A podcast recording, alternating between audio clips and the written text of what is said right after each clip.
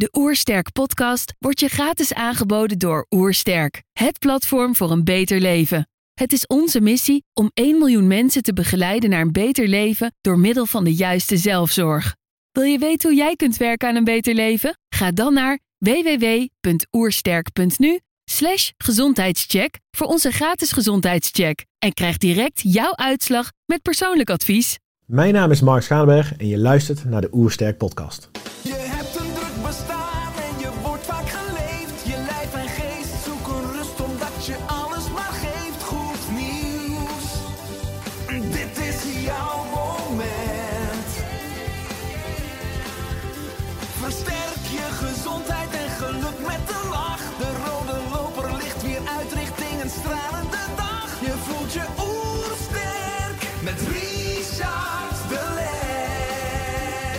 Zijn hier in Heemskerk voor een podcast met Mark Schanenberg. Mark is slaapcoach en auteur van het boek Van slaapwandeling naar droomleven. Ik ben benieuwd naar zijn tips voor een beter leven. Trouwens, geniet je van onze podcast? Laat dan een reactie of review achter. Zo help je ons om het gezondheidsvirus te verspreiden. Let's start! De Oersterk Podcast. Een ontdekkingstocht naar een beter leven.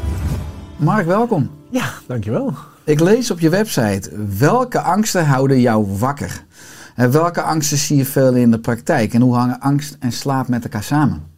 Nou wat, eh, wat je veel ziet is dat gewoon de mensen ehm, zo gevoed worden door angsten. Ehm, naast ook dat als je slecht gaat slapen, ben je gevoeliger voor angst. Maar ja, ook angsten zorgen voor slecht slapen. En ja, je ziet heel veel terugkomen uit, uit de jeugd. Dus mensen hebben toch iets meegemaakt in hun jeugd, in hun ontwikkeling. Ja, en dat is zo erin geprent, waardoor het eh, uiteindelijk slechter gaat met slapen als ze ouder zijn. Hmm. Ja, boeiend. Want als je kijkt naar de cijfers, dan zie je dat 20 tot 25 procent van de Nederlanders slecht slaapt. 17 tot 40 procent heeft chronische slaapproblemen. En jij zegt daarvan ook, hè, slapeloosheid is het topje van de ijsberg. Nou, wat ligt er zo al onder? Ja, wat ik vooral wil aangeven is dat onder water gaat er gewoon iets niet lekker. Dat kan een relatiegebied zijn, dat kan dus met jezelf in de knoop zitten, stress, niet goed eten, te veel sporten. Eigenlijk alles wat je overdag kan doen, ja, dat, als dat niet lekker loopt, dan uitzicht dat uiteindelijk in slapeloosheid. Alleen, ja, we slapen allemaal wel een keertje een nachtje slecht en denken, het komt wel. Maar als je kijkt nu naar de cijfers in Nederland, het, ja, het, was, het was 1 op 4 en we gaan zelfs nu 1 op 3. Wereldwijd is 1 op 2 en dat komt omdat we in Nederland de mannen nog niet echt toegeven dat ze slaapproblemen hebben. Alleen ik zie ze nu wel steeds meer in mijn coaching, eh, in mijn coaching komen. Ja. want je begeleidt mensen, wat je zegt, met coaching. En het is ook gericht op het vinden van jouw innerlijke kind. En waarom is het belangrijk dat we verbonden zijn met ons innerlijke kind? Nee, als we als, als kind zijnde hebben we nog bijna geen zorgen, zijn we vrij, hebben we geen verantwoordelijkheden, hè, we kunnen spelen, we doen dingen die we leuk vinden. Eh, we gaan ook op vakantie met papa en mama dat uiteindelijk doen. En op een gegeven moment trekken we dat volwassen harnas aan. En wordt het allemaal krampachtiger, hebben we doelen, we moeten van alles bereiken, we zijn bezig wat anderen van ons vinden. Ja, en dan leven we niet meer het leven die je zou willen leven. En als je dan in verbinding gaat komen met je innerlijke kind, hè, door, vaak doe ik dat met visualisaties, ja, dan hoor je veel die dingen. Ja, hij rent van me weg, hij durft me niet aan te kijken, ehm, ja, hij is gekwetst. Ja, en dat nemen we mee en dat geeft een vertaling in hoe we als volwassenen rondwandelen. Ja, dus wat je dan ziet als je eigen innerlijke kind, hè, dat jongere deel van jou dus eh, getraumatiseerd is of tenminste zich onveilig voelt, misschien Ja. dat het eh, dat dat ook dan vooral tot uiting kan komen in slaap. Omdat je pas echt natuurlijk kan diep ontspannen kan slapen als je je veilig voelt. Ja, ja, als je slapen, dan zijn we eigenlijk het meest kwetsbaar als mens. Ehm, dus daar zie je vaak inderdaad dat veiligheid in gedrang komt. Dat gaat ook verstoren van slaap. Ehm, maar met het kleine kind is, we zijn zo bezig met standaarden bereiken, waardoor we het, het kind in ons vergeten. En we moeten een goede baan, veel geld verdienen, we moeten overal zichtbaar zijn, terwijl een kind ook gewoon plezier wil hebben. Ehm, en als je niet heel veel plezier meer hebt en je hebt alleen maar plichten in een dag, ja, dan ga je s'avonds, wanneer je rust hebt, beginnen al die levensvragen tevoorschijn te komen. Wat moet ik morgen doen? Wat had ik vandaag kunnen doen? Had ik het wel kunnen bereiken? Wat vindt die van mij? Ja, dat is, het is bizar wat er gewoon in die, in die, in die, in die hersenpan van mensen gewoon tekeer gaat. En dat, daar zit geen rem meer op. Dat, dat gaat maar door. Dus zouden we de maatschappij wat anders eh, moeten inrichten om eh, dus aan te sluiten voor het balanceren of in balans houden van het innerlijke kind? Ook als je kijkt naar de. Publieke ruimte of de werkomgeving als je het hebt over, over speelsheid. Nou ja, zeker. Ehm, ik denk dat het schoolsysteem echt nog draait om het systeem. Als we nu kijken met de corona, hè, de kinderen hebben leerachterstand, terwijl in mijn ogen moeten ze nog tot een honderdste. en net zoals wij hebben ook volgens mij jaren later nog iets gaan studeren en nog iets gaan doen. En nou, ik ben verpleegkundige geweest, dat heb ik nu ook een beetje overboord. Alleen, het wordt zo in stand gehouden. En wat ik vooral merk bij de kinderen is dat op school is het heel erg in het verleden hangen of in de toekomst. Dus wat heb jij altijd gedaan? Wat heb je gedaan? Of als je goed oplet, word je dokter. Maar niet in het, in het hier en nu. Dat zie je dat stukje, dat holistische. Ehm, dus een kind leert al heel snel, ik moet presteren, want anders kan ik dat niet bereiken. Waardoor het dus het plezier van de dag eigenlijk, eh, eigenlijk weggaat. Hm. Ja, wat je zegt, het is vooral ook. Eh, misschien gaat het aandacht op wat het kind doet, niet op wie het kind is. En nogmaals, we vragen vaak ook aan kinderen: wat wil je later worden? Ja. Alsof je nu niet goed genoeg bent. Hè? Ja. het over, eh, Nou ja, en, en het stukje het norma- normaliseren. We worden heel erg in toom gehouden met normaal. Je moet normaal zijn. Ik ben, ik ben vroeger veel gepest. Dus op een gegeven moment ging ik dagdromen. Ik, ging, ik, ik was zo bezig van na school word ik weer opgewacht. En dan kreeg ik te horen, ja, maar, Mark, je bent niet normaal. Weet je, je bent, heel, je bent afgeleid. Ehm, ik probeer mijn emoties, eh, er gebeurt iets in mijn lichaam, ik weet niet wat het is. eh, en ik moet het in één keer wegduwen. En, en dat merk ik in mijn coaching ook. Het, het mooie van de mens wordt weggeduwd om maar normaal te moeten zijn. mhm. Ja, en dat gaat zich later vertalen in slapeloosheid. Want dan komen die emoties tevoorschijn. Ja, en dan, en dan weten ze niet hoe ze ermee om moeten gaan. Ja, dat is mooi wat je al zegt. Je bent eigenlijk ook geworden wat je nu bent, slaapcoach door je eigen leven, Ja. je eigen pad. En ook je ervaringen eh, als kind. Maar ook later, je was beroepsmilitair. En je bent op verschillende missies geweest. Onder andere op de crashsite van MH17 hè, in 2014. Eh, voor mij ook in Irak eh, ben je Drie keer, drie keer Afghanistan. Drie keer Afghanistan, ja. Eh, ben je in deze ervaringen ook de verbinding met je innerlijk kind verloren? En, en welke signalen kreeg je? Ja, nou ja, ik werd, ik werd vroeger best wel gepest omdat ik graag met, met eh, meisjes wilde spelen, praten. Ik vond het heel interessant in plaats van wat er van een jongen verwacht werd. En alleen daardoor werd ik anders genoemd. En mijn moeder kleedde mij gewoon normaal. En iedereen had ook Cafello's, Australië. Die gingen allemaal met dat, eh, de rages mee. En omdat ik het idee had dat ik man moest worden. Ja, waar kan je man worden?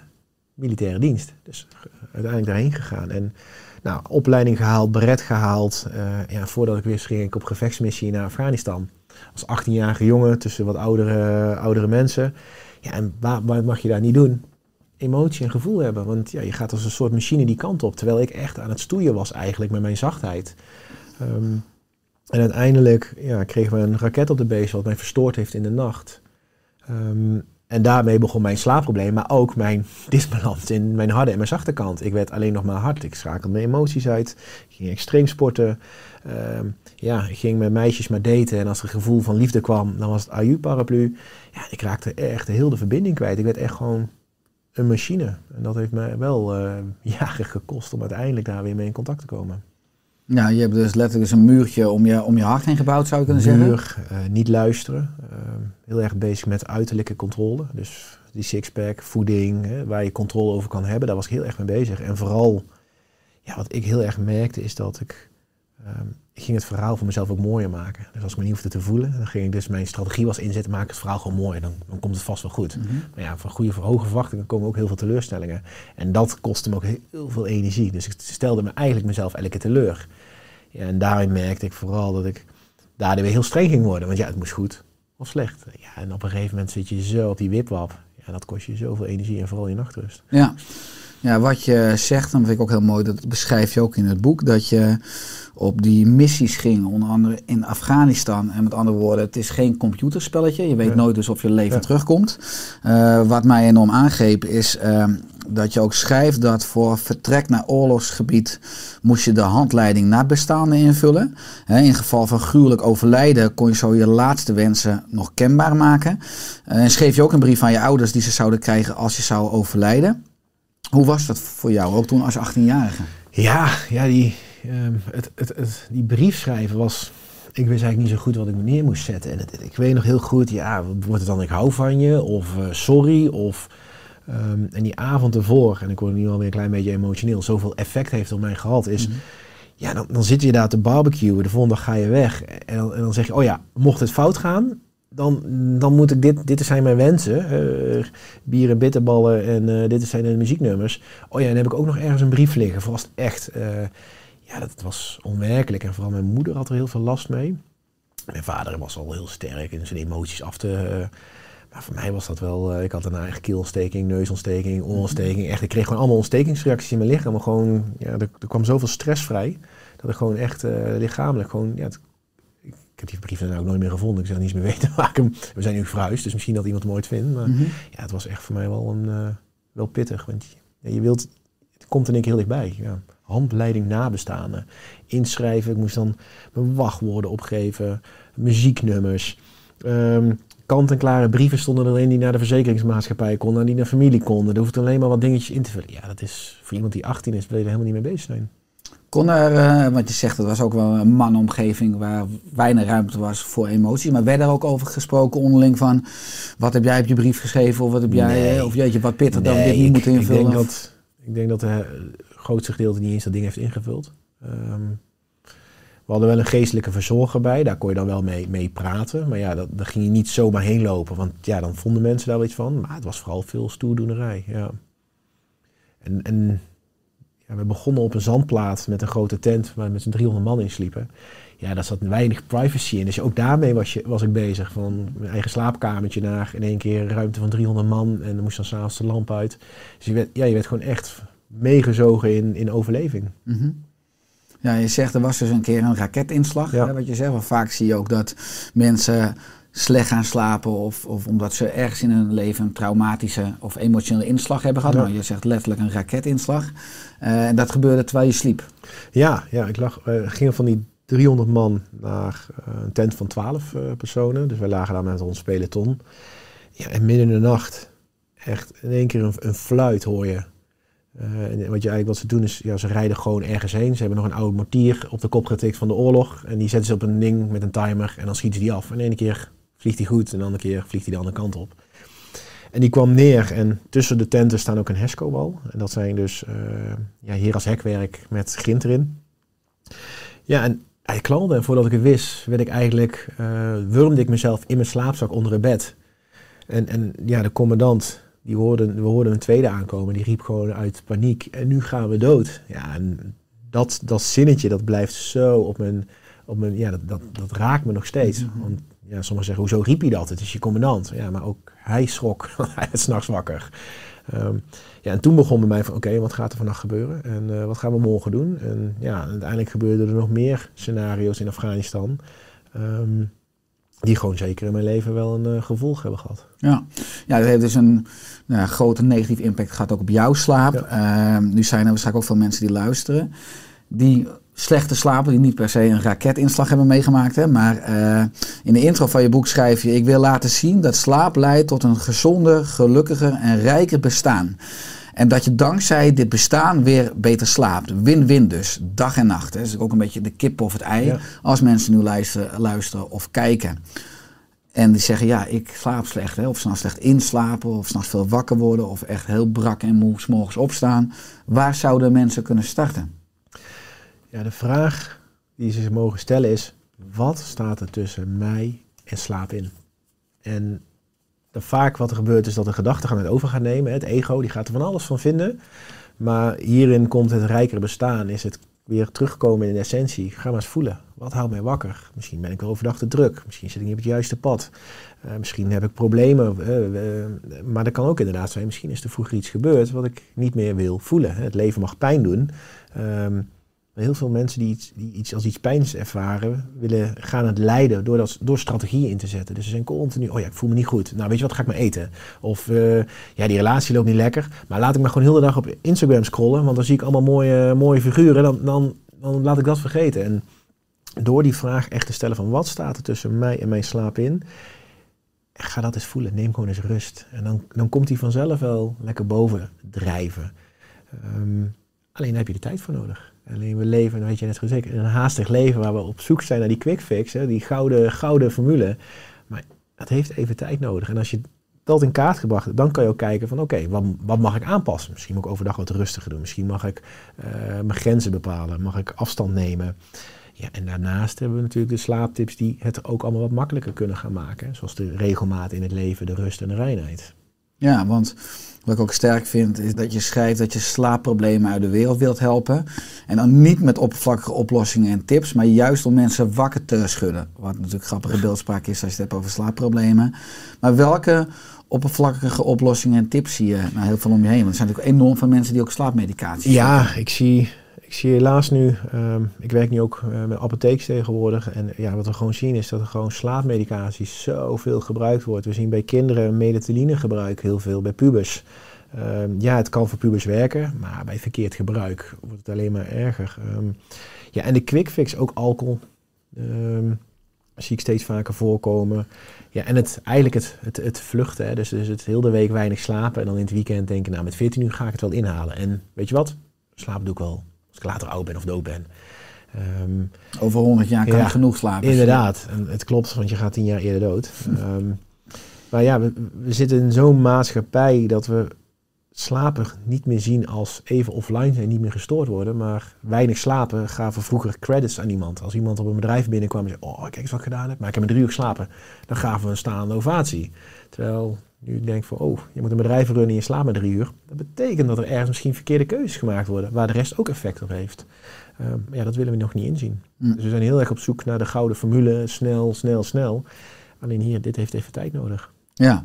ja, als je het ook hebt over wat je zegt, snel, snel, snel. Mensen hebben weinig tijd, dus mensen hebben enorm veel stress. Hè. Er is een radicale toename van chronische stress, ook afgelopen coronajaar. Eh, stress en slaap hangen met elkaar samen. En ook onrustige gedachten en gevoelens noem je slapende honden hè, in je boek. En veel mensen hebben negatieve gedachten, zoals ik ben niet goed genoeg, ik ben niet veilig, ik mag geen fouten maken. Hoe kunnen mensen deze ombuigen? Ja, nou ja, dat is heel mooi dat je eh, deze erin... kijk, dat, dat, stress zorgt voor spanning. En spanning zorgt dat je alerter bent en uiteindelijk moeilijk met slapen. En als we als mens zijnde het ergens niet mee eens zijn, willen we daar controle over. Maar wij hebben geen controle over slaap. En eigenlijk ook niet helemaal over onze gedachten en gevoel. En ook daar is weer een beetje het kip en ei. Wat komt er? Alleen wat we merken, of wat ik vooral merk in mijn coaching, is dat ehm, we een, een gevoel gaan geven aan woorden. Dus als ik slecht slaap, dan ben ik morgen niks waard. En dan, dan hebben ze dat, dat, dat, die dag daarna al helemaal ingepland hoe slecht het gaat. Terwijl als je die als en dan verandert van hey, als ik slecht slaap, dan spreek ik mijn mantra uit of ga ik ademhalingsoefeningen doen of kies ik voor een powernap, dan kan je die gedachtegang al wat gaan trainen. Alleen wij zijn zo snel, gaan we richting die angst, onrust, onzekerheid. Doordat we slecht slapen gebeurt dat ook. Ehm, en hier zit echt de zin voor me, rust plannen overdag. Ga eens luisteren waar die onrust zit. Eh, maak een piekenkwartier. Schrijf alles op wat maar in die gedachtentrein tevoorschijn komt. Ehm, eentje die ik zelf eigenlijk al doe is, s ochtends begin ik met douchen en de water van de douche van is mijn waterval. En daar geef ik eigenlijk al mijn negatieve energie, gedachten of, of, de, of de energie van andere mensen, geef ik al mee. En dan spoel ik gewoon af. En dan ga ik mijn dag in. Ehm, Het verdwijnt allemaal in het putje. in het putje, ja. Dus, dus visualisatieoefening of mediteren. Ik ben echt gewoon... Als militair had ik er niks mee. mediteren was allemaal... Maar nu, joh, ik vind het heerlijk om te doen. En ook na mijn coaching sessie zet ik dat ook in. Om even af te schilderen van al die emotie die ik krijg. Want de meesten staan gewoon open heel de dag om de bullshit van anderen maar te ontvangen. En dat gaan we bij ons draden, willen we oplossen. Want ja, dat zorgt ook voor een vorm van gezien worden. Ja, en op een gegeven moment heb je zo dat, dat harnas in die rugzak vol. Ja, dan, dan raak je dus lost in al je gedachten. Ja, is dat een paradox dat juist deze technieken die je benoemt, visualisaties, meditaties, misschien juist ook door militairen gebruikt zouden moeten worden als preventie, maar ook om in die extreme omstandigheden Nou ja, zeg maar, is- gewoon balans te houden? Er is nu binnen Defensie yoga gekomen en mindfulness. Dus er is nu veel meer awareness. En er zijn heel veel militairen die hebben echt heel veel baat. Er is ook natuurlijk een groep die er gewoon nog niks mee heeft. Ehm, en ik denk dat dit per individu verschillend is. Alleen om het maar meteen de deur dicht te gooien, eh, wat ik vroeger deed toen ik mijn emoties niet voelde, ja, heeft, helpt het mij nu heel erg, maar ook in mijn coaching. En ik heb gewoon echt directeuren van bedrijven die, ja, die lachen van meditatie totdat ik ze in die stoel neerzet. En op een gegeven moment een oefen doen. En op een gegeven moment voelen ze zich moe en dan voelen ze hun hart. En dan, wow, dit heb ik niet. En krijgen ze antwoorden, inzichten. En dan denken ze, wow, had ik dit maar eerder geweten? En ik zeg, ja, maar dat is het. Als je rust inbouwt, komt er ruimte voor verandering. In Mhm. plaats van maar gaan en niet luisteren. Ja, ja, wat je zegt, dus het, bouwen, het inbouwen van rust. Je gaf al aan dat bepaalde mensen zeggen van ja, ik slaap de hele week weinig, maar ik ga het weekend wel 14 uur slapen. Nou, in je boek noem je dat slaapschuld. Hè? Ja. Eh, Als mensen dus enorm druk zijn en dus een slaapschuld hebben, eh, wat kunnen ze dan doen? Nou ja, wat, je, wat we hopen altijd dat dan eind van de week we kunnen inhalen. Maar dat is gewoon zo lastig. Want als ik mijn geld uitgeef, ja, dan moet ik het werken om het weer terug te krijgen. En dat is, dat is hetzelfde met, met slaapschuld. Kijk, je remslaap, je rapid eye movement, vooral waar je, je droomslaap voor de meeste, dat is enorm lastig om in te halen. Waarom? Want dat heeft op dat moment nodig. Ehm, ja, en als je leuke herinneringen wil onthouden, dan is het heel belangrijk om goede kwaliteit slaap te hebben. Maar als jij gaat slapen, bijvoorbeeld je slaapt op dag vrij een uurtje uit, en je gaat dat gewoon vaker doen, niet na twee uur slapen, maar op de dagen dat een uurtje uitslapen of weer in een regime komen, ja, dan kan je die gemiste slaap relatief inhalen. Alleen die remslaap, ja, dat wordt gewoon heel lastig. En dat zie je dus vooral bij pubers die dus vroeg naar school moeten. Die missen heel veel remslaap. Ja, en dan zie je gekke gedragingen zoals overstuur, eh, eh, agressie, maar ook depressie al opkomen bij, bij jeugd. Ja, dat, dat vind ik heel, heel zorgelijk. Want ja, die, die, die remslaap is zo belangrijk voor ons. Ja, Wat zijn factoren bij de jeugd dat ze minder slapen? Is het ook vooral, ik vul het in een beetje met, met alle schermpjes en Ook. alle, ehm, ze hebben vaak al een smartphone, dan gaat het ja. dag en nacht door, de groepsapp en Ja. social media. Nou ja, de, de, de pubers worden nachtmensen. Dus het, slaapschema verandert na 's avonds. Dus ze bloeien in de avond helemaal op. Ja, en s ochtends willen ze dus uitslapen tot een uurtje of 10, 11. Maar ja, de scholen beginnen om half negen. En zo om, om negen uur. Ja, wat gaan we dan doen? Snoezen, Red Bull, eh, eh, eh, energierijke voeding. Het bezig zijn met beeldscherm. En vooral bezig zijn met wat anderen van hun vinden. Ja, en, dat, en dat zorgt voor overspanning. En uiteindelijk raken ze daar ook hun eigen imago kwijt. Maar het is natuurlijk wel interessant ook dat eh, middelbare scholen nog steeds een beetje ook gebaseerd zijn op het fabriekstijdperk. Ja. We beginnen iedere ochtend om kwart over acht, ik ook. Terwijl voor een puber het misschien veel prettiger is dat je om tien uur start en wat later doorgaat. Maar Nee, ik ben nu toevallig met twee scholen bezig. Ehm, daar heb ik uh, les gegeven voor onregelmatig werken. eh, en uiteindelijk vertelde ik dit verhaal. Ehm, en die gaan nu kijken. nu natuurlijk met de COVID maakt het al wat lastiger. Zijn ze al wat aan het verschuiven om, om de docenten 's ochtends te laten vergaderen. Waarom ochtendmensen? En dan daarna school te geven van 10 tot 4. En dan zijn daarna de docenten ook klaar, want dan zijn ze gewoon op eh, als ochtendmens. Eh, maar daardoor kunnen dus de, de jeugd kan wat. eh, alleen ja, je merkt dat ouders dat heel lastig vinden. Want ja, die zitten nog wel in die fabriekstructuur. Dus Mhm. ja, wie gaat ervoor zorgen dat het kind naar bed gaat? Wie gaat ervoor zorgen dat hij naar school gaat?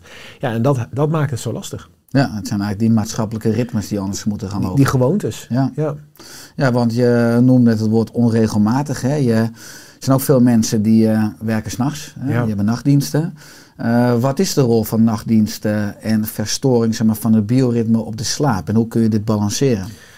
Ja, ja, ja, op dit moment werken er 6 miljoen onregelmatig. Dan wordt er steeds meer. Ook heel veel ondernemers hè, werken niet meer tussen 8 en, en 5. En ja, het lastige van nachtwerken is, is dat eigenlijk jouw lichaam, geest, brein s'avonds tot rust wil komen. Want alles gaat in slaapstand, zoals je eh, eh, spijsvertering, et cetera. Maar dan moeten we in één keer alert zijn. En op het moment dat ze willen gaan slapen, ja, dan hebben we in één keer geen melatoline aanmaak, want het is licht, maar en het, en het systeem wil alert worden. En, en dat komt heel erg in, in, in verstoring.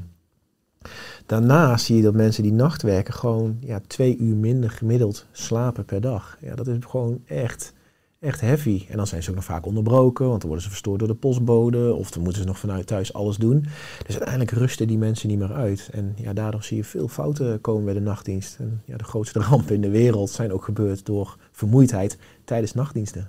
Ja, ja, precies. Dat is dan veel meer het effect bijna ook op het brein. Je ziet Ja. natuurlijk ook dat door minder slaap dat mensen versneld verouderen in de stofwisseling, wat er minder herstel en reparatie is. Ja, ja melatonine eh, is één hele grote antioxidant. Heel belangrijk voor de geboorte van het kind, maar ook om je huid eh, jong te houden. Eh, ja, en als jij dus s'avonds met allemaal licht je melatonine aanmaak verstoort, dan word je sneller oud. Maar ook het, ja, het s'avonds eten zorgt er gewoon voor dat je wat meer aan gaat komen. Ja, nou meer aankomen, slecht slapen. Ja, die, die mensen zien er niet uit, met alle respect. Ik ben heel blij dat sommige mensen het werk doen, want het is gewoon helaas nodig. Maar ja, ik zie in mijn webinars en klassen zie ik mensen wel echt tussen die die-hard nachtdiensten draaien. En wat ik heel lastig vind, is dat ehm, er zit een financiële beloning aan nachtdienst. Eh, waardoor sommige mensen ja, soms een week nachtdienst gaan draaien vanwege die financiële waarde. Terwijl voor de gezondheid, om de long term, zijn ze dat geld weer kwijt aan zorg of aan, aan supplementen, et cetera. Wat, terwijl ik denk, als we nou dat re- recht zouden strijken in zo een rooster bouwen op nacht- en avonddienst en minder, mensen krijgen gewoon evenveel, dan zal er veel minder ziekteverzuim zijn. Zal het systeem veel langer door kunnen draaien. Ja, dus het is altijd ruilhandel. Ja, ja, je Ja. ziet heel veel jeugd, in de, in, in, toen ik nog in het ziekenhuis werkte, jonge mensen die heel graag nachtdiensten voor de extra centen. Ja. Terwijl die nog in de bloei van hun leven zitten, misschien hebben ze nog een kinderwens. En in één keer werkt het systeem heel anders. Ja, en dan, eh, Ja, als je dan toch misschien nu luistert of kijkt en je moet nou helemaal nachtdiensten werken, zijn er dan bepaalde tweaks op het gebied van voeding, beweging, ontspanning, waar je zegt als je dat dan overdag toepast, dan kan je het veel beter dragen of dan kan je het een stukje compenseren? Ja, de, de boodschap is echt, zeg ik creëer regelmaat in een onregelmatig leven. En dat betekent dat eet zo graag mogelijk op vaste tijden.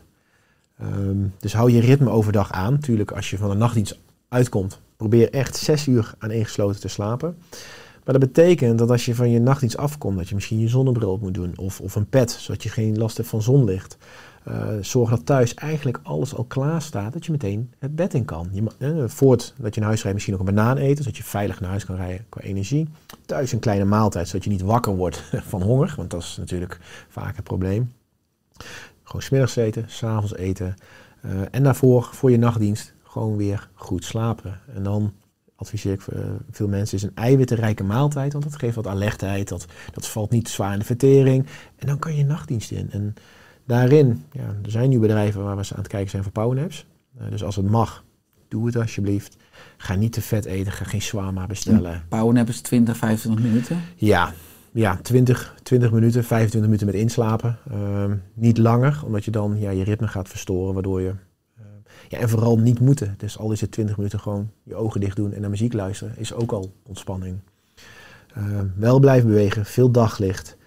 Ehm, en ik adviseer heel graag dat mensen, als je nachtdienst hebt, zorg dat die dagen gebouwd zijn op werk, rust en regelmaat. En ga niet juist overdag van alles doen en terwijl je die nachtdienst hebt. Want daarmee put je je zo uit. En dan op de dagen die je daarna vrij bent, ben je dus niet echt aanwezig. Dus dan heb je verjaardag en dan zit je daar als een halve zombie. En dat, en dat, dat vergeten mensen. Dat, het heeft zoveel impact, die nachtdienst. Ja, kies er dan voor om daar even te investeren. Zodat je op die andere dagen ruimte over hebt voor plezier en leuke dingen. Ja, nou ja, kom je bij een, eh, een kernwoord wat ik ook teruglees in je boek. Het stellen van prioriteiten. En wat ik leuk vind, jij gebruikt daarvoor de drie emmers methode. Je hebt het over werk, over slaap en vrije tijd. Eh, wat je misschien ook kan zeggen, 8 uur, 8 uur, 8 uur. Eh, hoe is deze balans bij veel mensen verdeeld? Ja, ja, ik heb het ook inderdaad over. We hebben 168 uur in de week. Jij, ik, Ja. eh, iedereen. En als je dat in drie emmers zou verdelen, even grof, dan kom je inderdaad op 56 uur. Dat zou betekenen 8 uur voor nodig.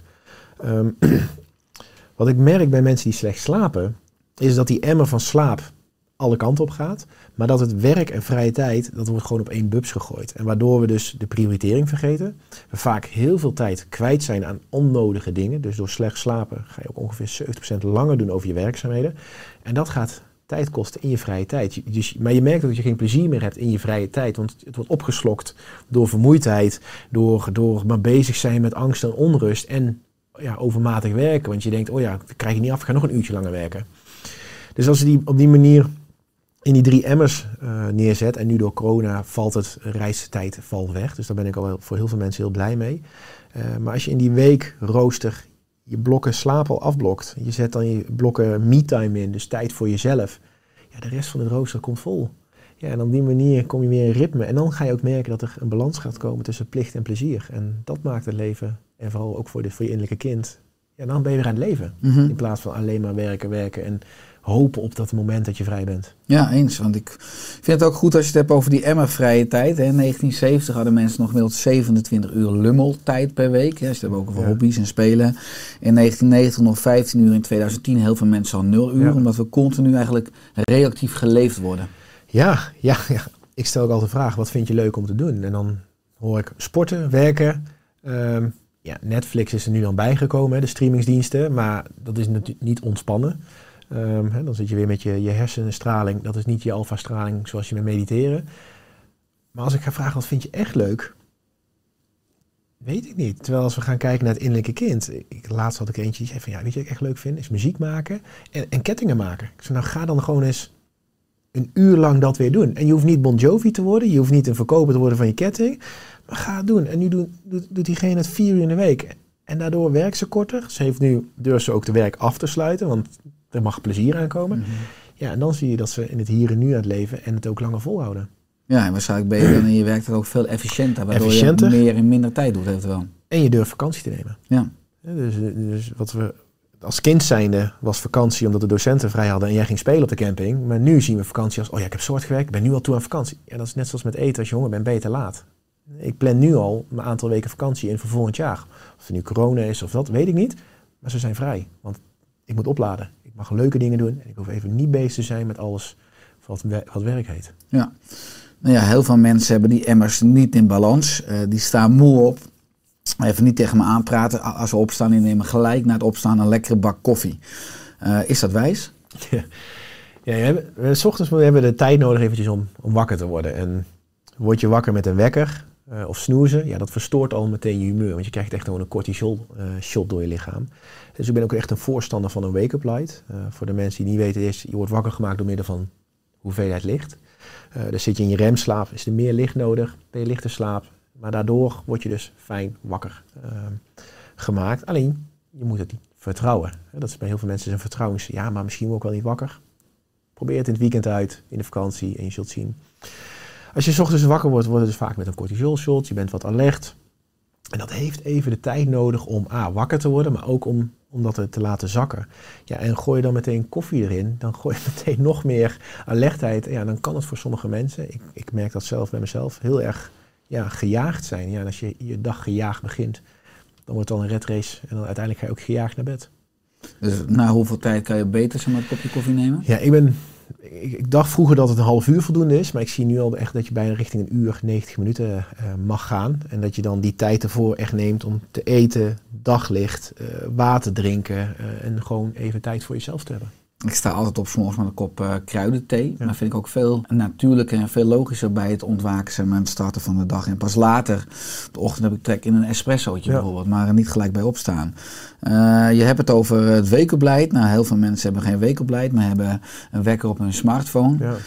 Zitten ook nog eventjes voor het slapen gaan op een smartphone. Hè. Hoort een smartphone per definitie in de slaapkamer thuis? Nee, nee, je slaapkamer is echt, eh, tenzij je natuurlijk in een studio eh, woont, maar je slaapkamer is echt, zeg ik altijd, voor slapen, seks, boekje lezen. Natuurlijk mag je nog wel eens maar echt op tv kijken op je slaapkamer. Ik ben er niet een voorstander van, maar het zit er zo in. Eh, ik vind het altijd heel lastig om alles maar te zeggen wat je niet mag. Ehm, maar die telefoon, jongens, dat is, dat is zo'n ja, aandachtstrekker geworden. En ja, zelfs relaties, dat ze gewoon maar de werkmail gaan lezen in plaats van een goed gesprek. Ja, het is, dat vind ik echt heftig. Dus je, de verbinding, we willen zo graag verbonden zijn met heel de wereld, maar we verliezen de verbinding met onszelf en met een partner. Ja, dat is, ik denk dat juist dat je rijkdom en je veiligheid is. Ja, dat is natuurlijk eh, treffend wat je zegt. Heel veel mensen zitten misschien op social media, terwijl het niet zo sociaal is als je partner naast je op de bank Nee, zit. nee, dat nee. de oermens ook niet hoeft te kiezen, want die had geen smartphone, dus die kon de foute keuze niet maken. Met andere woorden, de verleiding was er niet. Hè? Nee, ook. En ja, wat, wat opvalt is, we zijn als mens gemaakt om ook alleen te zijn. Dat zit gewoon in ons systeem. Dat was vroeger in de oermens bleek dat ook te zijn. We zaten ook vaak gewoon alleen. Alleen nu willen we heel graag maar geconnect zijn, verbinding, gehoord worden. Terwijl ja, 80% zit niet op, op mijn of, of jouw shit te wachten. Weet je, we kunnen nog steeds roepen, maar de helft zegt: Oh, ook is niet slecht met je ging. Waarom? Omdat diegene met zichzelf bezig is. Terwijl je partner, waar je liever leed mee mag delen, ja, hoe mooi is om daar intiem, knuffelend je kwetsbaarheid te vertellen. Want dan kan je groeien als mens. Ja, en dan wordt kwetsbaarheid kracht. Juist. Ja, ja want er zijn ook heel veel mensen die vallen goed in slaap. Die denken, nou, dat, dat her- herken ik niet slecht eh, inslapen, maar ik word wel s'nachts veel wakker en ik slaap slecht door. Ehm, wat zouden die mensen kunnen doen?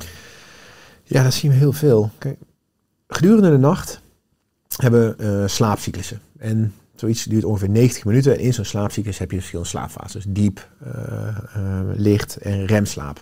En tussen die slaapcyclussen worden we eigenlijk altijd heel even wakker. En dan kijken we, lig ik nog comfortabel? Moet ik naar de wc? Is het veilig? Is er licht? Is er geluid? Ligt mijn partner niet te snurken? En als het allemaal goed is, vallen we in slaap. Dus als je een keertje s'avonds naar de wc toe moet, dan, is dat niet, dan gaat dat niet ten koste van je slaapkwaliteit. Dat moet het natuur zorgt voor. Tenzij je telefoon pakt, lampen. Maar als je vaak eh, vaak veel wakker wordt. En dan zien we dus tussen drie en vier uur. En dat heeft ook te maken dat dan je lichaamstemperatuur het laagst is. Eh, dus daardoor ga je lichter slapen. Ja, als je dan veel spanning en stress hebt, en dan schiet je dus in je adrenaline, in je cortisol. Eh, het kan ook zijn dat je te veel eh, suikers eet. Ik bedoel, nou ja, dat weet jij misschien nog beter dan ik. Maar als je veel suikers eet, of in ieder geval, ehm, dan ga, je lichaam kan dat in balans houden door cortisol en adrenaline. Ja, dus als je te weinig eet, kan dat s'nachts, uh, wil hij dat in balans hebben. Maar als je te veel eet, kan je dat ook weer in balans. Dus daar kan je ook wakker van worden. Ehm, ja, en dan gaat de gedachtegang aan. Ze kijken op hun wekker. Dan worden ze boos. Gaan ze uitrekenen hoeveel tijd kan ik nog uh, slapen. Um, ja, dan worden we, gaan, we, gaan we een beetje zenuwachtig worden. Dan komt die als en dan. Hè. Als ik wakker word, dan ben ik morgen niks waard. Terwijl, kijk niet op je wekker. Spreek je mantra uit. Ik slaap niet, maar ik rust wel. Pak je ademhalingsoefeningen. En desnoods zeg je nog tegen jezelf: Als ik nu slecht slaap, dan ben ik morgen niet niks waard. Maar dan zorg ik ervoor dat ik morgen meer op structuur ga letten. Of uiteindelijk die ademhalingsoefeningen. Als ik slecht slaap, dan zet ik ademhalingsoefeningen in. En dan mag je weer in slaap vallen. Natuurlijk is het rond 3, 4 ook wel wat lastig, omdat je slaapdruk al aardig opgeladen is. Maar maak er geen strijd van, want hoe harder je vecht om te slapen, hoe harder je moet, hoe lastiger die komt. Ja, wat je ook zegt is dat dus die slaap ook het benzinelampje is of het gevolg van stress overdag of verkeerde voeding overdag. Ja, ja zeker. Um, dus nogmaals, als je overdag gewoon veel stress hebt, um, ja, word je alert dat, dat zorgt ervoor dat je moeilijk in slaap komt. De gedachtentrein, je bent meer gevoelig voor piekeren. Maar voeding, mensen vergeten echt uh, de kracht van voeding. Uh, dus niet te laat eten, niet te vetrijk eten. Uh, ja, echt op vaste tijden eten. Want je lichaam maakt dan maar dat kleine beetje insuline vrij, omdat hij erop voorbereidt. In plaats van, oh, om acht uur trekken een zak chips open, een shitload aan insuline. En je lichaam pompt even je stresshormonen. Ik heb liever die stresshormonen voor als er een vliegtuig crasht op me afkomt of een auto bij het stoplicht. Maar ik denk dat echt het grootste gedeelte gewoon heel de dag cortisol en adrenaline door het lichaam heen naar me pompen. En daarmee zie je dat als ze dus slecht slapen, weinig slapen, dan zeggen ze altijd, ja, maar ik voel me echt nog wel goed hoor. Nee, het gaat allemaal prima. Continu rust van cortisol. Continu. En dan gaan we op een gegeven moment mediteren of tot rust komen. En dan zijn we in één keer moe. En, en dat is je batterij op dit moment. Alleen dat wil je niet voelen. En je lichaam zorgt ervoor. Want ja, je zit vol met cortisol. Ja. Ja, nu kan het natuurlijk ook uh, chronische stress zijn als je worstelt met essentiële levensvragen. Uh, vind ik ook mooi uh, in je boek, hè, heb je het over psychiater Jung. met de vraag, wie ben jij eigenlijk? als je kijkt naar jouw weg en naar jouw reis, ook van slecht slapen naar goed slapen. welk antwoord heb jij zelf gevonden op die essentiële vraag? Hè? Wie ben jij eigenlijk? Ja, dat was een, uh, was een pittige. Ja, Carl Jung, uh, de dieptepsycholoog, uh, het onbewuste brein. Um, ik, ik, merkte als militair dat ik, ik was een rol aan het bekleden. Ik had medailles, ik was parachutist geweest, ik was verpleegkundige op de helikopter. Allemaal kick-ass, stoere movie dingen. Maar eigenlijk was ik gewoon nog steeds die hele lieve, zachte jongen die gewoon open stond voor prikkels en met zijn emoties. En in, in 2017 Nee, zeg ik verkeerd eigenlijk. In 2015 ging ik eerst uh, de krijgsgevangenentraining in. Dus leerde ik ervaren wat zou gebeuren mocht ik door IS krijgsgevangene worden, oranje overal. En hoe word je snel krijgsgevangene? Slaapverstoring, geen daglicht, te weinig eten, te weinig bewegen. En na het behalen dacht ik van wacht eens even, zijn mensen niet hier ook altijd maar mee bezig? Maken we onszelf geen krijgsgevangenen? En daarmee kwam ook bij mij, omdat er daar heel veel stilte was en overleving, kwamen daar al de vragen op van Mark, hoor je hier wel thuis? Moet je misschien iets anders doen? En op een gegeven moment ben ik dus op zoek gegaan naar mijn stilte. En mijn levensvraag was, oké, ik mag dus mensen gaan helpen om ook eens te gaan kijken om weer in contact te komen met een ik, met een kind. Iets wat ik dus gemist had, want ik ben heel snel volwassen geworden. um, maar ik mag dus die zachte man zijn. Het is goed om je man hart zacht. Het is oké wie je bent. En ja, dat was voor mij echt een hele mooie antwoord. Maar ik vond het ook doodeng. Want ja, dat heeft me wel vriendschappen gekost. En, en een nieuw avontuur. En een beetje als een soort giraf stond ik soms wel eens met knikken in de benen van, hoe ga ik dit doen? Ja, nu een paar jaar verder ja, voel ik me heerlijk. Mm Slaap ik heerlijk. En uh, ja, er komen nu echt mooie dingen op mijn pad. Omdat ik die energie uitstraal. Dan wel vriendschappen, et cetera. Ja, want... Uh, je schrijft in je boek inderdaad over je ervaringen als militair. Eh, je bent ook militair verpleegkundige geweest. Eh, je hebt veel heftige dingen met je eigen Ja. ogen aanschouwd. Ook met betrekking, uh, nou, schrijft, kinderen met gebroken beentjes. Maar ook kinderen met door een overdosis aan medicatie, die wij spreken dan eh nou ja, dood, bloeden en het niet, niet overleefde. Mensen met, met, met extreme wonden. En mensen die ook, ook stierven. En je schrijft daarover, ik leefde om te overleven. Maar ik had deze ervaringen ook nodig om te ontwaken. Ja, zeker. Dus, dus is er achteraf dan ook dan zelf misschien dankbaarheid dat je terugkijkt en ziet dat het allemaal klopt? Nou ja, ehm, ik spreek deze ook altijd uit naar de coaching. Is, is alles wat we meemaken heeft ergens ook een reden. Ehm, en het maakt ons sterk. Want anders was ik nu niet wie ik was. Had ik niet de ervaring die ik nu had. Alleen, er zit een valkuil. Blijven we slachtoffer van het verleden? Of maak ik er mijn kracht van? Ja, ik heb heel schokkende dingen gezien. Ik mag nu zelfs eh, ja, vader gaan worden. En ik heb heel lang geen kind, baby durven vasthouden. Omdat dat refereerde naar die situatie dat die baby eh, overal bloed eh, ja, uit zijn huidje kwam. Dus, dus mocht ik weer aan de slag met mezelf. Want hé, wacht eens even. In september word ik vader. Dat betekent wel dat ik dan van iets mag gaan houden. In plaats van denk, shit, wat me nu is overkomen, dat, dat kan elk kind.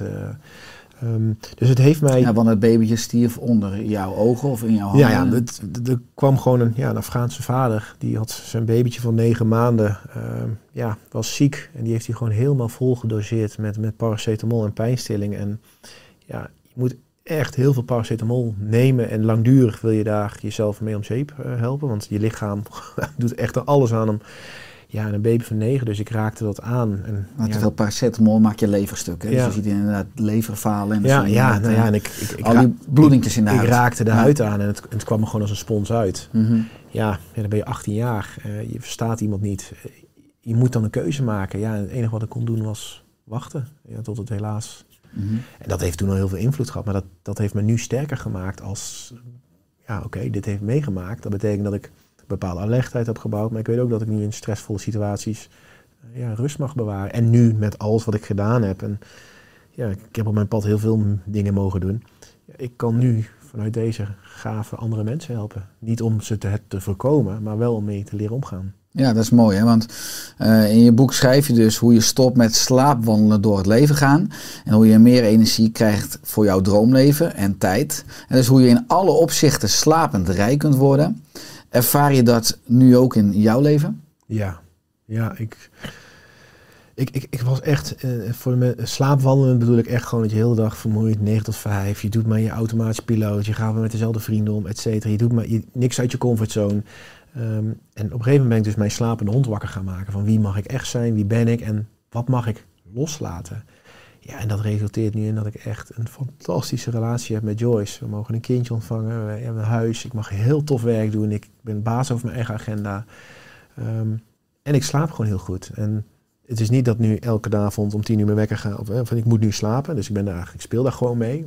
Maar omdat overdag ook heel veel rust heb. Ja, en dat zorgt voor hele goede beslissingen. eh, nieuwe vriendschappen. Ja, en dat, dat, is, dat is mijn rijkdom. En vooral zo meteen mijn gezin. Ja, dat is mooi. Want je hebt het dus over eh, Joyce. Eh, laatst hebben jullie, eh, nu het moment van de opname is eind mei, maar begin Ja. mei hebben jullie de 20 weken echo gehad. Eh nou, nogmaals, jullie zijn straks jonge ouders. Ik heb zelf natuurlijk twee fantastische zoons, maar hoe denk je straks te gaan slapen? Omdat ik ook op je website zie ik het traject slaap, ouders, slaap. Ja, ja, ja. Ik, ik vond het, en nog steeds, zo verschrikkelijk dat als je als trots zijn dat je vader mag worden, dat ik altijd als eerste op ben, nou slaap me nog maar eventjes, want dat is zo meteen eh, verstoord. En ja, een kind heeft de eerste vijf maanden nog geen ritme en maakt nog geen melatonine aan. En natuurlijk zal het niet slapen. En vooral Joyce, die wil graag borstvoeding geven, die zal daarin zeker de slagen van de zweep. Uh, maar daar hebben we nu al heel veel afspraken over gemaakt. Dus we gaan het ook niet naar een kinderdagverblijf brengen. We gaan het zelf, uh, zelf doen. En dat zal betekenen dat er wat meer verantwoordelijkheid op mij komt rondom de huis. Net, uh, en dat zij dus daardoor tijd voor de nacht. Alleen ja, wat ik gemerkt heb, ook in de coaching bij Slaap, Ouders Slaap, is dat gewoon, een kind is gewoon een spiegel van jou. Gewoon op alle gebieden. Het kopieert je, het, het, het, het houdt je donkerste kanten tevoorschijn. Ja, als een kind na zoveel tijd nog steeds niet slaapt, dan kunnen er verschillende dingen. Of hij heeft iets meegemaakt, of papa en mama zijn misschien wel gewoon te druk en slapen niet. En hoe vaak ik niet merk dat ouders, ja, mijn kind slaapt eindelijk door. Weet je, als ze die medaille omhangen. En dan vraag ik, en hoe slaap je zelf? Ja, ik slaap zo slecht. Ja, en waarom? Ja, ik moet ook dit, dit, dit, dit, dit. Ja, daar, daar ga ik echt voor waken. Dus ik ga echt, eh, ja, en natuurlijk weet je niet hoe het kind is. Voor hetzelfde wordt een huilbaby. Ehm, maar het wordt zometeen ook regelmaat, ritme en rust. En ik, eh, hij wordt mijn leermeester en ik de zijn. En dat betekent dat als ik rust bewaar, dan zal hij ook sneller gaan slapen. Mooi, samen groeien. Ja.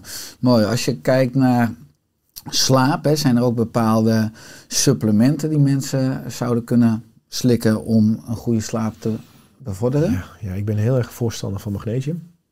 Ja, je zegt daarover in je boek 30 minuten voor het slapen. Ja, ja dat, eh, dat- ah, ik zei al bij tandenpoetsen, dan kan je het niet vergeten. Ehm, ja, ik, nu merk ik vooral ook, en ik denk dat jij daar misschien nog een mooie antwoord op kan geven, eh, vitamine C, vitamine D3. Eh, dat zorgt natuurlijk voor een heel intens systeem waar je ook weerbaarder wordt. Ehm, omega. Ehm, en, en ja, ik weet niet of jij nog, maar ik, ik- deze mix hou ik meestal aan. Ja, eens. Nou ja, ik ben er en de wel mee eens. B12, ja, Ja. voor de meesten zijn aardig uitgeput in de B12. Ja. Ja, ja, ik ben natuurlijk Vijteli, waar eh, Ja. natuurlijk ook omega-3 in zit. Vitamine D3, vitamine Ja. K2, magnesium, jodium, selenium. Eigenlijk de basisstoffen die Ja. mensen onvoldoende binnenkrijgen in het moderne leven. Maar zeker als je dan weer terugkomt op magnesium. Magnesium is natuurlijk betrokken bij ruim 300 enzymen. Van voldoende energie tot je spierspanning, tot je peristaltiek van je darmen. Maar ook voor de omzetting of de aanmaak van het slaaphormoon. Dus aangezien veel mensen zo druk zijn en gewoon die stress hebben, verbranden ze overdag alle magnesium op. En is er geen energie voor slaap, wat een duur proces is. Ja, en laatst in onderzoek heb ik ook gelezen dat als je als mens zijnde eh schrikt, dus ik zou jou laten schrikken, dan zakt je, je vitamine meteen gewoon bijna naar nul. Dus, en hoe vaak schrikken we op een dag als die telefoon afgaat, als ze een pliepje binnenkrijgen of als ze onverwachts een WhatsAppje krijgen. Dus mensen zitten gewoon zo laag in de, in de, in de vitamines en mineralen. En daarnaast komen we ook niet meer zoveel buiten. We lopen allemaal met petjes, handschoenen. In de winter doen we een zonnebril op. Ja, dat is het gouden medicijn, zonlicht. Ik Ja. bedoel, Dat helpt je hersenen om, om af te vallen. Dat helpt je om beter in je vel te zitten. Dat helpt je om in de zomer door die warme nachten energie vol te houden. Ja, maar we lopen er tegenwoordig helemaal vol hangen met spullen bij waardoor we niks meer opnemen. Ja, dat is mooi hè, hoe alles met elkaar samenhangt. Voeding, supplementen, ontspanning, slaap. Eh, nou, slaap heeft ook een directe invloed, eh, schrijf je, op ons vermogen om een romantische relatie te krijgen en te onderhouden. Ja, Hoe? Nou ja, dan gaan we eerst beginnen over het datingsproces. Ehm, maar als mensen slecht slapen, dan zei je net al, je gaat er minder gezond uitzien. Je kan, maar je kan ook vooral non-verbaal, kan je mensen niet goed meer eh, ja, in, in- ja, hoe zou het, in kaart brengen. Lezen. Eh, minder, je, de humor komt minder goed binnen. Je, je bent afgeleid, want je bent met je eigen vermoeidheid bezig. Dus je ziet echt in het datingsproces mensen gewoon niet die ideale partner vinden vanwege vermoeidheid. Ehm, daarnaast gaat ook op het stukje seksualiteit gaat alles aardig omlaag als je moe bent. Ehm, als je gaat kijken naar relaties, ja, als je met ruzie naar bed toe gaat, die ruzie-energie gaat heel de nacht door je lichaam. Dus de volgende keer reageer je daar nog heftiger op, want er wordt een basis gelegd, die angst. Die ehm, maar ook, eh, ze hebben een, een, eh, onderzoek gedaan met 100 stelletjes in Zweden. Die waren al 10, 20 jaar bij elkaar een prima relatie. En één van de twee lieten ze een week lang slecht slapen. En dat kan zijn, de ene sliep acht uur maar werd onderbroken, de andere kreeg maar drie uur slaap. Alle relaties waren uit. Waarom? Je bent niet meer verbonden, je gaat fit om van alles, er wordt niet meer gecommuniceerd, er wordt vooral uit emotie gecommuniceerd. Ja, en dat is wel best wel heftig, maar ook verkeerde beslissingen. Mensen nemen hun werk mee naar bed. En dat zie je dus echt in relatiegebied, zie je, zie je heel veel. En in mijn coaching is dat ook bijna nu een nieuwe pijler geworden, eh, waar ik gewoon met mensen bezig ben om hun relatie weer eh, in de hand te krijgen. Naast goed slapen ook weer te leren communiceren, kwetsbaar te zijn en tijd te nemen in bed. Ja. En mooi om te zien hoe slaap zo echt letterlijk een sleutelfunctie en effect heeft, wat eigenlijk in alle domeinen van het leven Alles, alles. Het is, doorwerkt. ik heb de piramide van topprestatie zeggen. en dan begin met slaap, dan bewegen, voeding. Dat is natuurlijk een beetje. En daarna komt eh, loopbaan en familie. En als er iets daarboven niet goed loopt, heeft het resultaat op slaap. En gaat slaap niet goed, dan heeft het resultaat op alles daarboven. Ja, maar de slaap is de fundering, Ja. dus eh, in die piramide. Eh, in, op de achterflap van je boek staat: Word wakker in een wereld vol naar rust. En met frisse energie te gaan doen hè, wat jij het alle, waar jij het allerliefst je bed voor uitkomt. Slaap staat dus in dienst van zingeving, hè, van wat je het allerliefste doet. Ja, ja ik, denk- kijk maar eens naar jezelf, denk ik. Ik denk Ja. dat je elke ochtend fris wakker wordt om aan jouw bedrijf mensen weer te informeren, te doen wat je leuk vindt. Nou ja, zeker vind ik het natuurlijk altijd prikkelend als je ondernemer bent, dat je je eigen slaaf bent. Dus dat je voor een groot deel zelf kunt bepalen waar je tijd en energie in steekt. Zie je in jouw coaching ook dat heel veel mensen dus niet op de juiste plek in het leven zitten. Of misschien wel gouden handboeien hebben, waardoor ze nou, dat, bijvoorbeeld dan het hogere salaris accepteren, maar wel in ruilhandel dan voor een slechte slaap. Ja, ja. Wat ik vooral merk is dat eh, we zijn te veel geënt op financiële waarde in plaats van eigenwaarde. Hè, dus wij, we geven onze eigenwaarde zetten we aan de kant om ja, liefst snel veel geld te verdienen. Of dit werk maar te doen omdat het een bepaalde status geeft. Terwijl ja, als je dus intern gaat kijken wat je echt gelukkig maakt, je, je, je zielsmissie of je levensmissie, dan word je uiteindelijk heel rijk omdat je elke dag fris wakker wordt en leuk vindt om eraan te werken. En natuurlijk, elke baan he- heeft een mindere tact. Maar die kan je veel beter handelen als je goed slaapt. Hoe komen mensen achter hun zielsmissie? Ehm, nou ja, dat kan door middel ook, heb ik laatst geleerd, door middel van je horoscoop. Eh, dus hoe je zonnestand staat, kan je dus kijken in welke eh, tijdsblok eh, je valt. En dan ga je dus naar het Carl Jung, het onbewuste gedeelte. Dus ook dit betrek ik nu ook steeds vaker in mijn, in mijn coaching. Ehm, maar ook hier komt vragen, wie mag ik zijn en wat vind ik leuk om te doen? En Tuurlijk, als je zegt van ik wil profvoetballer worden, ja, dat is een bepaald topje van de ijsberg waar ijle lucht is. Dus heb je veel mensen, hou je niet heel lang vol.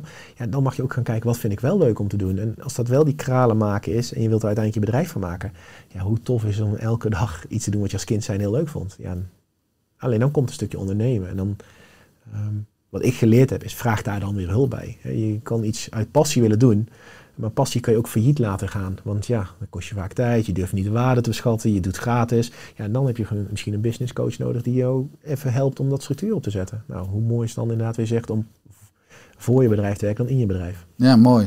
Als aanvulling op die horoscoop die je noemt, is dat een bepaalde stroming of een online tool wat mensen kunnen raadplegen? Ehm, even kijken. Nee, het heet, toevallig eh, heet het boekje Zielsmissie. Ehm, en daarin krijg je, leggen ze uit hoe het werkt. Dus je kan dan online door middel van jouw datum en tijd eh, staan jouw maanstand, je ascendant eh, staat dan in. En daarmee zie je dus, kan je dus, val je in een bepaalde tijdslot, eh, bepaalde... ik ben van origine een, een, een schorpioen, maar mijn ascendant is maagd. En als je dat dan opzoekt, dan kan ik dus, zie je eigenlijk precies wat er ja, eigenlijk jouw zielsmissie is. En het, het gekke is, ik heb het van de week gedaan en het klopt gewoon. En welke website is dat? Eh, Oeh, ja, volgens mij gewoon zielsmissie. Zielsmissie, Ja. oké, als mensen dat googelen. Googelen dan, eh, ja. Ehm, en daar stond in coaching, mensen helpen. Ik moet of iets in de ICT gaan doen, maar eh, en vooral wat nu op mijn pad kwam, is iets met kinderen. Kinderen opvoeden. Ja, en dat is wel heel toepasselijk dat ik nu, aan. nu aan, het, aan het doen ben. Mooi bij Ja. de fase Ja. komen. Als je het hebt, Mark, over al jouw activiteiten en eh, je coacht mensen, nou, je schrijft boeken, eh, je wordt vader, eh nou, alle rollen die je hebt, hoe zorg jij voor balans? En heb je daarvoor ook een bepaalde slaaproutine? Nou, de grootste balans zorgt mijn vriendin. Ehm, in de zin van, die, die, dat is echt mijn, mijn, mijn spiegel. En mm, ja, als ik ergens onrustig voel of ehm, soms heb ik nog wel eens dan denk van, oeh shit, het is niet lekker. Dan kan ze dat heel mooi... eh, maar ik heb gewoon, eigenlijk in die emmer van werk heb ik gewoon de uren verdeeld. Dus dat betekent dat ik voor zes uur in de week voor coaching heb. En of het nou twaalf van een half uur zijn, of zes van een uur, of drie van twee uur, dat zie ik bij. En de andere dingen eh, verdeel ik naar eh, projectbasis. En ja, ik ben nu ingehuurd via de Lambacht. Ja, dat staat dan een x aantal uur per maand. En dat splits ik dan precies zo op. En uiteindelijk zorg ik ervoor dat ik toch ja, drie, vier dagen in de week vrij ben. Ja, je, En, daar pak ik echt mijn rust en doe ik leuke dingen. En slaap, ja, bij mij gaat rond negen uur mijn avondroutine in. En eh, ja, om zes uur ben ik weer wakker. ja, dus de ontspanning en ook gewoon die vrije dagen en die vrije tijd heeft voor jou een hele hoge prioriteit. Ja. Dus dat, dat stel je letterlijk al veilig in je agenda. Ja, ja ik heb eh, voor dit jaar heb ik tien weken eh, eh, vrij. In de zin van nu veel werken. En zometeen vanaf september ben ik bijna tot en met februari volgend jaar. doe ik alleen nog het hoognodige. Dus ik, er zal nog wel een paar uurtjes coaching zijn. Er zal wel projectbasis vanuit Defensie zijn. Maar voor de rest ben ik echt voor het kind. Mooi, mooi. Fantastische start samen. Ja. Wat is je missie of je droom voor aankomend jaar, aankomende jaren? Want nogmaals, aankomend half jaar ben je ook lekker eh, een half jaar Ja. bij Joyce en Ja. de kleine. Ja, nou ja, mijn missie is ook echt om, om, om, om vader te mogen worden. Dus, ehm, en ja, het lijkt me uiteindelijk heel tof om met mijn gedachtegang ehm, samen met een team ooit, eh, misschien wel samen met jou, eh, ja, vijf keer Ziggo vol te krijgen. Om daar gewoon als corona het allemaal toelaat, mensen gewoon van A naar B te helpen. En- Het is nu wel makkelijk om Psychodon vol te krijgen. ja. Maar beperkt aantal mensen in. Dat is ook een vink in de box. Ehm, nee, maar het lijkt me heel mooi om met een team te gaan eh, helpen om bepaalde oude structuren in wat in stand gehouden wordt, het schoolsysteem, eh et cetera, om dat te gaan downgraden. En dat stukje eh, holistische bedenken, dat hoe die even, om dat echt ja, de nieuwe generatie mee op te voeden. Nou, mooi. Dus een nieuw systeem te gaan bouwen. Eh, naast wat misschien het oude systeem, wat misschien niet meer zo goed werkt voor Ja, de ja, 21ste eeuw. En vooral voor de kinderen eh, het zo lang mogelijk kind mogen blijven. En ja, ik denk dat mijn zoon, die mag geboren worden, zometeen de ultieme wordt om vooral met zijn zachte kant eh, deze wereld in mag komen. Mooi, dat innerlijk kind weer. Ja. Ehm, is er aan het einde van de podcast nog iets wat je graag wilt toevoegen? Nee, ja, ik, eh, ik vond het een heel leuk gesprek. Ik eh, denk dat we heel veel verteld hebben. Ik weet niet of jij nog... eh, Nou, meer, meer altijd praktisch. Waar kunnen mensen meer informatie vinden over jou, over je diensten, over je boek? Ja, nou ja, fijn dat ik op het podium. Nou ja, mocht je denken van, nou, dit is iets, iets, iets voor mij, ik wil gecoacht worden, dan plan een gratis gesprek in op markschalenberg.com. Ook mijn boek is te bestellen via bol.com. Dat is denk ik de makkelijkste in deze tijd. van slaapwandelen naar droomleven. En ja, wie weet eh, gaan we va- samen vaker voor de mensen spreken. Mooi Mark, dankjewel voor je komst in de Oorzaak podcast. Ja.